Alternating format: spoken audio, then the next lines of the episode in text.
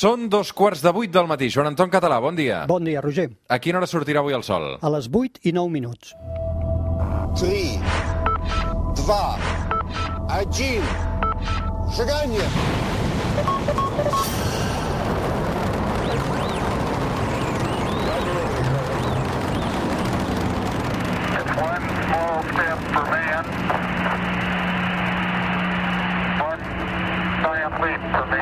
Thank you. Puntuals a la cita del suplement, cada diumenge a l'hora que surt el sol, la Terra és plana, aquest espai de ciència, d'astronomia, amb la veu científica del suplement, Joan Anton Català. Bon dia, Joan Anton, què Bon tal? dia, Roger. Bon dia. Ell és la veu científica, màster en astronomia, astrofísic, químic quàntic, i, Joan Anton, volia començar eh, preguntant-te una altra vegada per el patrocinador del nostre espai, que és Elon Musk. Eh?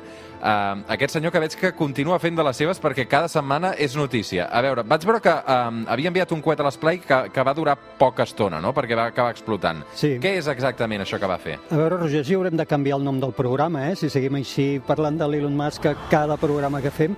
Doncs mira, va fer una prova a la seva eh, agència, diríem, empresa, SpaceX, va provar un prototip a l'SN8, que és un prototip del coet que, quan estigui ja desenvolupat, haurà de ser el que enviï homes a, a la Lluna o a Mart, segons ell.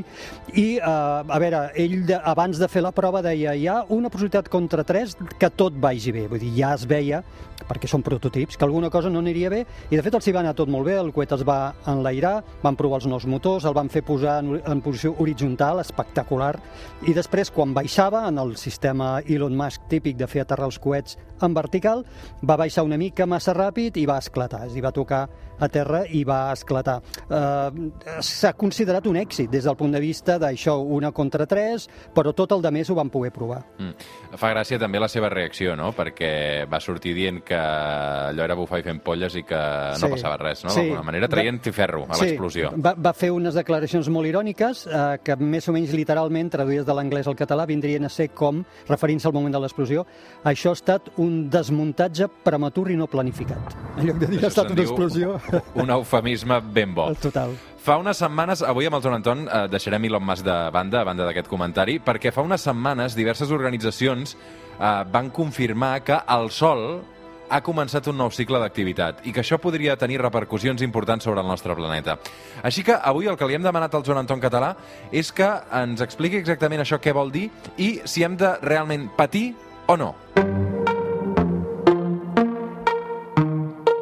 Per tant, Joan Anton, anem a la teoria primer. Quants cicles, què són exactament aquests cicles del Sol? Mira, jo quan ho explico normalment dic que vindria a ser com a l'estat d'ànim del Sol, de la nostra estrella, i és que el Sol fa molt de temps, ara ho anirem explicant, que presenta uns períodes que són cíclics i molt regulars, a més, de pujada i baixada i baixada de la seva activitat. Molt bé. Quan duren aquests eh, cicles? Perquè la novetat aquí, la notícia, és que n'hem començat un de nou, no? Exacte, ara fa molt poc n'hem començat un. Els cicles duren aproximadament 11 anys. Hi ha algunes variacions, no sempre és així de perfecte, però 11 anys. I això és com si arribés a un màxim d'activitat, que ara explicarem què és l'activitat del Sol. Arriba en un màxim on el Sol té molta activitat, després comença a, a minvar aquesta activitat fins que arriba a un mínim i després torna a créixer fins a un nou màxim. Doncs la diferència entre un màxim i el següent, això és el cicle del Sol, i són 11 anys. Com percebem aquesta activitat del Sol, Joan Anton? Clar, aquí està. Llavors, eh, l'activitat del Sol com la veiem i quins efectes té? Doncs n'hi ha, hi ha diverses observables, diverses coses que observem amb el Sol i que indiquen que està més actiu. Per exemple, n'hi ha una que són les flamarades solars. Les flamarades solars són, diríem, com grans flaixos de llum que té la nostra estrella i de fet de fet és emissió de llum eh, d'alta energia, ultraviolat, rajos X, etc. En té un altre d'efecte que n'anomenem ejeccions de massa, ejeccions de massa coronal. Això és, normalment segueixen a les flamarades i és com un esternut, és com enviar a l'espai un munt de matèria, però quantitats ingents de matèria, normalment són nuclis d'àtoms, i els envia a gran velocitat i, a més, de forma molt direccional. Això s'anomena com eh, ejeccions de massa coronal. I després també hi ha un altre observable que veiem a la superfície del, to, del Sol, si és que podem parlar de superfície, que són les famoses taques solars. Doncs tot això junt, flamarades, ejeccions de massa i taques, és l'activitat del Sol. Quan, quan més n'hi ha d'aquests fenòmens, diem que el Sol està més actiu. Com es mesura aquesta activitat? Doncs clar, quan els, eh, com que fa molts de segles que això s'observa, eh, els científics es van basar en l'únic observable que en aquell moment, ja et dic, fa molts de segles, de segles podíem veure, són les taques solars. D'aquests tres fenòmens que acabem de dir, les taques solars són eh, la cosa que més fàcilment s'observa i, per tant, sempre s'han mesurat en funció de quantes taques solars en presenta el Sol a la seva superfície. Abans et deia, si podem parlar de superfície, això li anomenem la fotosfera, vindria a ser l'equivalent a la superfície, no és res sòlid, no és res on tu et puguis posar dret, però vindria a ser la, la pell externa del Sol, doncs quantes eh, màcules, quantes taques solars té aquesta pell és el que ens diu com d'actiu està el Sol. Mm. Entenc que precisament com que ho podem veure, aquestes taques solars, precisament per això s'han agafat com a indicatiu, eh? Clar, és el que dèiem abans, és relativament fàcil de mesurar. Aviso que a ningú se li acudeixi ara en escoltar aquest programa apuntar uns prismàtics o la vista cap al sol, ja sabem que això no es pot fer, altíssimament perillós, però amb filtres homologats doncs és fàcil poder veure en instruments aquestes taques del sol. Molt bé. Uh, som al suplement, som a Catalunya Ràdio, avui amb el Joan Anton Català parlant d'aquests uh, cicles uh, solars. Quan vam descobrir que el Sol funcionava per aquests cicles, Joan Anton? Fa molts segles. De fet, hi ha, hi ha registres que al segle XVII eh, Galileu observava el Sol amb filtres i prenia nota d'aquestes taques solars, que evidentment no se sabia què eren, que apareixien a la seva superfície. Però el descobriment d'aquest cicle de 11 anys eh, l'otorguem a un científic alemany que es deia Samuel Henrich Svabe a l'any 1843 i ell va notar aquesta periodicitat. És a dir, fixant-se en els registres històrics que ja s'havien anat prenent, va veure aquestes pujades i baixades que es produïen eh, cada 11 anys. Finalment, uns anys després, el 1848, un altre astrònom suís, aquest de nom Rudolf Wolf, va establir que, comptant les taques, es podia saber aquesta, aquesta activitat del Sol. I a més a més va estandarditzar, perquè clar, dius, molt bé, les taques són fases de comptar? No, no ho són. A vegades apareixen en grups, unes més petites, les altres grans, enganxades. Llavors ell va donar les normes de com s'havien de comptar les taques. És a dir, quantes n'hi hauria seguint les seves eh, normes. No només va fer això, sinó que a més se'n va anar al darrere amb els llibres històrics i se'n va anar fins a l'any 1755, que ja hi havia registres del, nombre, del número de taques i amb la seva fórmula de com comptar-les es va comptar i allà va establir quin era el cicle número 1 i va dir, doncs mira, del, 16, del 1755 al 1766 n'anomenarem el primer cicle solar. I a partir d'aquell moment els hem anat comptant consecutivament d'11 anys en 11 anys, de forma que ara, per exemple, aquest cicle solar que hem dit al començament del programa que estem iniciant seria el cicle 25. 25, eh? Cicle 25. Aquest és el que D'11 a acabem 11. de començar, sí, sí, exacte. Sí, sí. Avui al suplement, el Sol.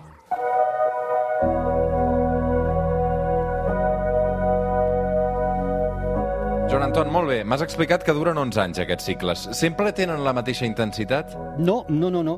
Eh, ja dèiem abans també que el tema dels 11 anys era aproximat, doncs el que sí que té molta disparitat són els màxims i els mínims. Dins d'aquest cicle d'11 anys, doncs no és el mateix el cicle, no sé, 20, ara ho estic dient així improvisadament, que el 23. Hi ha cicles que són especialment més actius que els altres. Per exemple, venim d'un darrer cicle que és molt poc actiu. És a dir, el 24 es considera dels cicles menys actius que hi ha hagut. I sembla, o la predicció de la comunitat científica així més general, diu que el 25, que és el cicle que ara comencem, s'espera que també sigui poc actiu, però vés a saber, perquè l'hem començat amb molta activitat. Eh? Justament la setmana passada, o aquesta setmana, de fet, hi ha hagut una ejecció de massa coronal molt bèstia, molt important del Sol, que s'ha convertit en viral a moltes xarxes perquè s'ha pogut enregistrar i mira com comencem aquest cicle. Vull dir que tampoc està clar. No, ara anirem parlant i sabem realment poca cosa de per què es produeixen i com es produeixen. Escolta'm, Joan Anton, què és el mínim de Maunder? Doncs en aquests cicles que ara deia, que tenen més o menys activitat, històricament s'han enregistrat uns anys on eh, els cicles han estat especialment poc actius, molt poc actius.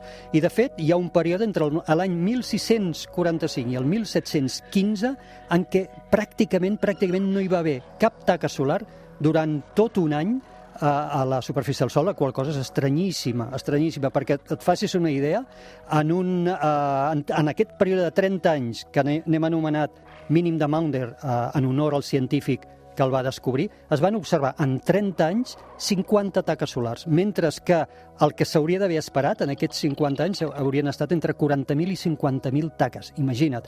Per tant, 30 anys d'una baixíssima activitat solar, que és això, rep el nom del científic anglès que el va estudiar, Maunder. Mm. Escolta'm, crec que a més a més eh, és un període que va coincidir amb una època en què feia molt fred a Europa, no? Sí, i aquí sempre hi ha hagut molta discussió. De fet, el, el període, des del punt de vista de, de la temperatura, es coneix com la petita edat de gel a Europa, aquest període que acabem de dir ara. Sempre hi ha hagut molta discussió i encara segueix aquesta discussió sobre si aquesta activitat del Sol està directament relacionada amb les o amb el clima, amb les temperatures i en el clima de la Terra, i això no s'ha pogut eh, establir d'una forma fefaent, allò mm, totalment segura. No? Hi ha certa sospita que sí. De fet, eh, en els períodes de màxima activitat, com que es produeixen aquests fenòmens que he explicat abans, les flamarades solars i les ejeccions de massa, també és veritat que arriba, incideix a la Terra una quantitat una mica major de radiació de llum d'alta energia, radiació bàsicament en forma de llum ultraviolada i llum en rajos X. De totes formes, la lluminositat del Sol hem mesurat i en aquests períodes de màxima activitat s'incrementa apenes un 0,07%, vull dir que tampoc és una cosa extrema. Eh? I aquí és on hi ha la discussió de si realment aquesta més activitat del Sol té un impacte tan directe amb el clima o el temps suau. Això és el que encara no ho sabem. Molt bé, Joan Anton, pugem de nivell, una mica més difícil, d'acord? Què passa amb tot això que m'estàs explicant amb els pols magnètics del Sol, que també n'hem parlat diverses vegades? Sí, eh, clar, llavors dius, mo- molt bé, per què es produeixen aquests cicles d'11 anys? Doncs, tot i que no ho tenim del tot clar, sabem que la raó té a veure amb el camp magnètic del Sol. El Sol té un enorme camp magnètic i eh, les variacions del seu camp magnètic són les que ens provocarien aquests canvis amb l'humor, amb l'estat d'ànim del Sol, els cicles. I resulta que eh, els inverteix. Els pols magnètics d'aquesta gran estrella que anomenem Sol queden invertits cada 11 anys. És a dir, coincidint amb els cicles d'activitat solar, el seu pol nord magnètic i el seu pol sud magnètic, per entendre'ns, s'intercanvien. És dir, en 22 anys fa una volta completa al pol magnètic. Torna al nord, ha sortit del nord, se n'ha anat al sud en 11 anys i en 11 anys més torna al nord. Una inversió que és increïble. Tot això sabem per què passa, perquè és la gran pregunta, és el per què sempre, no? Clar, sempre aquesta... I, i, i són les grans lliçons d'humi- d'humilitat, que saps que ens, ens agrada parlar-ho aquí, diem, estem explorant l'espai, estem intentant contestar preguntes que són fonamentals i algunes d'elles, que són les més properes, les més quotidianes, no hi tenim resposta. No, no sabem exactament què és el que provoca, abans he dit, sí, el camp magnètic, les variacions del camp magnètic, però en definitiva, i què és el que provoca les variacions del camp magnètic del Sol, i això no ho tenim clar. Evidentment tenim hipòtesis que estan lligades amb el funcionament intern del motor nuclear de, de la nostra estrella, però no ho tenim del tot clar. Uh, creiem que tot això se'l reflexa, això de processos que hi podria haver dintre del ritme o en el ritme de la fusió nuclear que té lloc en el cor de l'estrella, que es reflectirien en aquest comportament més extern de l'activitat del Sol. Eh? Però, però no ho sabem. I, i fixa't com és la cosa, que aquest cicle d'11 anys, que el tenim mesurat des de fa la tira, doncs hi ha científics que pensen que a lo millor hi hauria altres cicles per sobre d'aquest en centenars d'anys o en milers d'anys, és cicles que justament ara estaríem començant a descobrir dient no, no, és que el Sol no només cada 11 anys canvia el seu estat d'ànim, sinó que per sobre d'aquests 11 anys doncs, hi ha altres períodes que es mesuren en centenars o milers d'anys on el Sol pateix variacions importants de la seva activitat.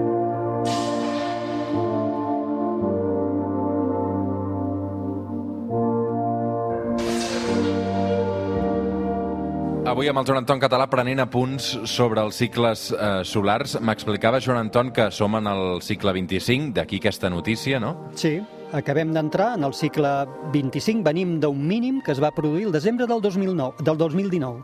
És dir, al desembre del 2019 érem al final del cicle 24, a un mínim. Ara hem començat a créixer i això ja et dic, s'ha vist, per exemple, en aquesta ejecció de massa coronal que hi ha hagut aquesta setmana, començaments de setmana, però també ja, evidentment, es pot observar amb les taques. És a dir, jo he anat a mirar i hem passat de 21 taques eh, al mes de setembre a 445 a l'octubre i en aquest moment, a desembre, tenim un conjunt de taques superxulo, aviso que ningú torno a dir, eh, que ningú se li acudeixi mirar el sol sense instruments homologats, però tenim un conjunt de taques molt espectacular que és molt fàcil de veure amb, amb això, amb filtres homologats i amb un instrument normal, uns prismàtics o una càmera de fotografies fer-li una fotografia i ja ho tenim en aquí. Per tant, el que estem veient ja és aquest despertar del sol dins d'aquest cicle 25.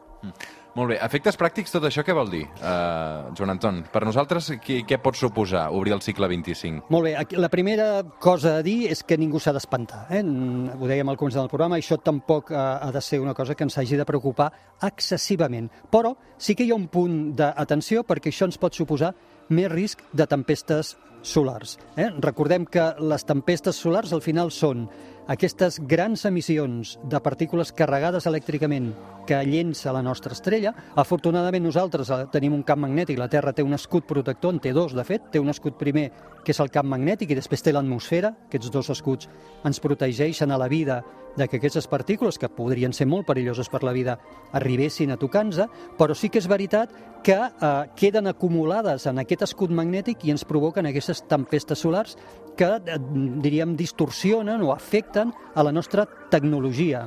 Vol dir a les comunicacions, als satèl·lits i, i a vegades, quan hi ha tempestes solars importants, també equipaments electrònics com poden ser centrals elèctriques. Eh? Quina és la més important que recordem, Joan Anton, la més forta que hem hagut de patir de Clar. tempesta solar? Clar, hem de tenir en compte que això ha passat sempre. Eh? Diríem, això és independent de que nosaltres ho mesurem o no. Què passa? Que les estem mesurant des de fa molt poquet. Des de fa, doncs això, 200 anys que vam començar a entendre una mica com funcionava això, doncs les hem començat a mesurar i n'hi va haver una a l'any 1859, que aquesta és la més gran que recorda de les que hi ha mesurades, que va provocar aurores visibles a, fins i tot a Catalunya i al nord d'Àfrica. A més, el telègraf va fallar a Europa i als Estats Units i fins i tot alguna central de telègraf es va arribar a, a incendiar. Aquesta tempesta avui, aquesta del 1859, si la portéssim avui, que el món està altament tecnificat, els seus efectes serien catastròfics. Catastròfics vol dir que ens afectarien els satèl·lits GPS, els de comunicacions, eh, a centrals elèctriques, com et deia. Després se n'han produït altres eh, que han deixat eh, sense, sense llum a grans zones. Per exemple, el 1989 una tempesta solar va deixar el Quebec sense electricitat durant 9 hores. Al novembre del 2003 també Suècia, una gran regió de Suècia, sense llum durant una hora. Al juliol del 2012 hi va haver una supertempesta solar que va fallar. És dir, aquesta ejecció de massa coronal, que és com un tret, perquè va molt direccionat, va fallar, no va arribar a la Terra per només 9 dies. No ens va tocar perquè es va equivocar de 9 dies. Si ens hagués arribat aquesta, els seus eh, efectes també haguessin estat eh, globals. Per tant, en resum, des del punt de vista de la nostra vida, de la nostra salut, en principi no ens ha de preocupar perquè tenim escuts protectors, però sí que ens ha de preocupar l'efecte de les tempestes solars sobre la tecnologia. Joan Anton, eh, no tot són males notícies amb les tempestes solars, perquè jo recordo que gràcies a les tempestes solars alguna vegada m'has explicat que es donen les, les aurores boreals, no? Sí, sí, sí. Ara fixa't el que dèiem, que registres històrics d'aurores boreals en llocs on no són freqüents, i això és perquè les aurores boreals tenen molt a veure en això. Aquestes partícules que ens arriben carregades del Sol, que són atrapades per el nostre escut magnètic, aquest escut magnètic els condueix a les partícules cap als pols magnètics de la Terra, en allà interaccionen amb les capes altes de l'atmosfera i ens donen l'espectacle de les aurores. Què vol dir això? Que quan hi ha grans ejeccions de massa del Sol que ens arriben, ho podem predir perquè les veiem, eh, el ritme i la intensitat d'aurores creix. I aquesta setmana és el que ha passat. Aquesta setmana, de fet, l'espectacle d'aurores en moltes regions del nord del planeta han estat espectaculars. Afecten els astronautes també aquestes tempestes solars? Sí, perquè abans dèiem, clar, nosaltres no ens hem de preocupar, estem aquí tan tranquil·lets eh, a la superfície, protegits per dos escuts, el del camp magnètic i a l'atmosfera, però clar, els astronautes estan fora d'aquests escuts. Llavors, ells sí s'han de preocupar. I el que, es, el que es fa, òbviament, el Sol el tenim superobservat, el que es fa és quan es detecta una emissió del Sol de partícules que podria arribar, direccionalment podria arribar a la Terra i els podria afectar, ells es confinen dins de la part més interna de l'Estació Espacial Internacional. Això ha passat alguna vegada, per exemple, el 2003 va passar, i es refugien en aquesta part més interna, de forma que les parets, l'estructura de l'estació els protegeix, tot i així, eh, desenvolupen, alguna vegada han desenvolupat flaixos visuals, és a dir, efectes visuals que tenen a veure, els relacionem directament en aquesta arribada de les emissions del Sol. Mm. A tot això també estem vigilant el Sol per veure com es comporta, no? Clar, això és fonamental per tot el que dèiem. Hi ha organismes que es dediquen a observar eh, 24 per 7 durant 365 dies de l'any al Sol. I això ho fan justament per predir eh, efectes científics sí, però també per predir l'arribada d'aquestes possibles eh, tempestes solars i, eh, i el que fer.